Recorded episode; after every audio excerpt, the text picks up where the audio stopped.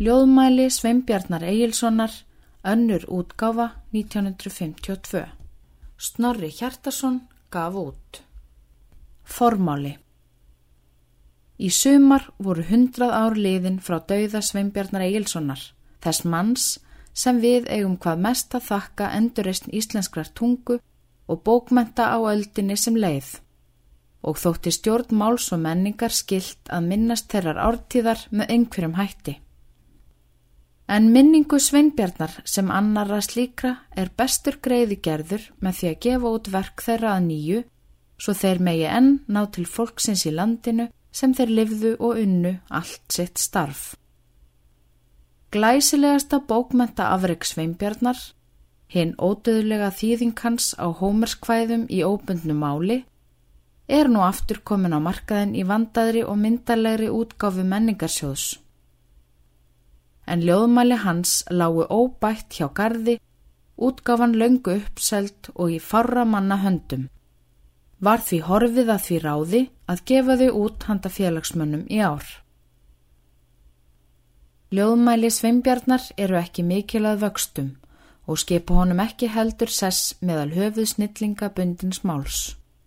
En margt hefur hann vel orrt, var hagsmiður bragar þegar best létt og greitti einnig með hvæðum sínum götu hinn að yngri manna.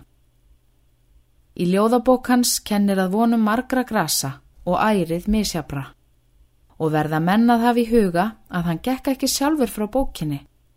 En á útgáfinni var hafður sáháttur sem mjög var í tísku um hvæðasöfn skálda á 19. öld að tekið var upp flest sem til náðist hversu fánýtt sem það er. Má telja fullvist að Sveinbjörn hefði látið fyrir róða margt af því sem prentað er í bókinni, þó hann hafi fest sumt af því á blað einhverja hluta vegna kom því til mála að vinsa úr kvæðunum það sem virðist eiga hvað minnst erindi í aðra útgáfi. En þó var hinn kosturinn tekinn að prenta ljóðmælin óskert með öllu. Geta þá lesendur valið sjálfur hver fyrir sig, fundi það sem lífvænt er og fagurt í kvæðunum og gert sér það innlift en látið hitt liggja millir hluta. Enn lifir margt eftir sveimbjörn á vörum fólks og yfir stökum hans sumum og hvæðum, ekki síst þeim sem hann hefur íslenskað úr grísku og latínu, er slíkur indistokki og látlust tign í máli og allri gerð að þau hljóta enn sem fyrr að verða auðfúsu gestir hverjum góðum lesanda. Í fegurstu verkum Sveinbjarnar mætist söðurætt og norrætt heimur. Í snillingshöndum hans verður hinn klassíski efni viður að íslenskum kjörgripum.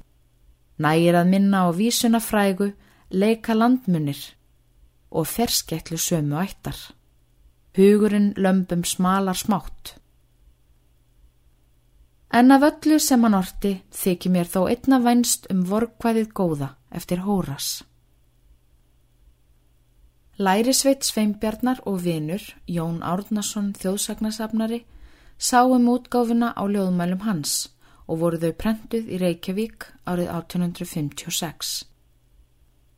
Þó nafn Jóns Árnasonar sé nægt trygging fyrir því að ekki var höndum kasta til verksins, þótti sjálfsagt að bera saman hvæðin við eiginhandaritt skáldsins svo langt sem þau ná og er leshætti þeirra fyllt þar sem á milli ber. Einnig komi í leitirnar tvær stökur sem ekki eru í fyrri útgafu. Ferskeitlan á dönsku á blaðsju 94 og grafskriftin yfir Bjarnar Sývertsen á blaðsíðu 146. Hins vegar er eitt kvæði í fyrri útgáfu eftir Kristján Konung 8.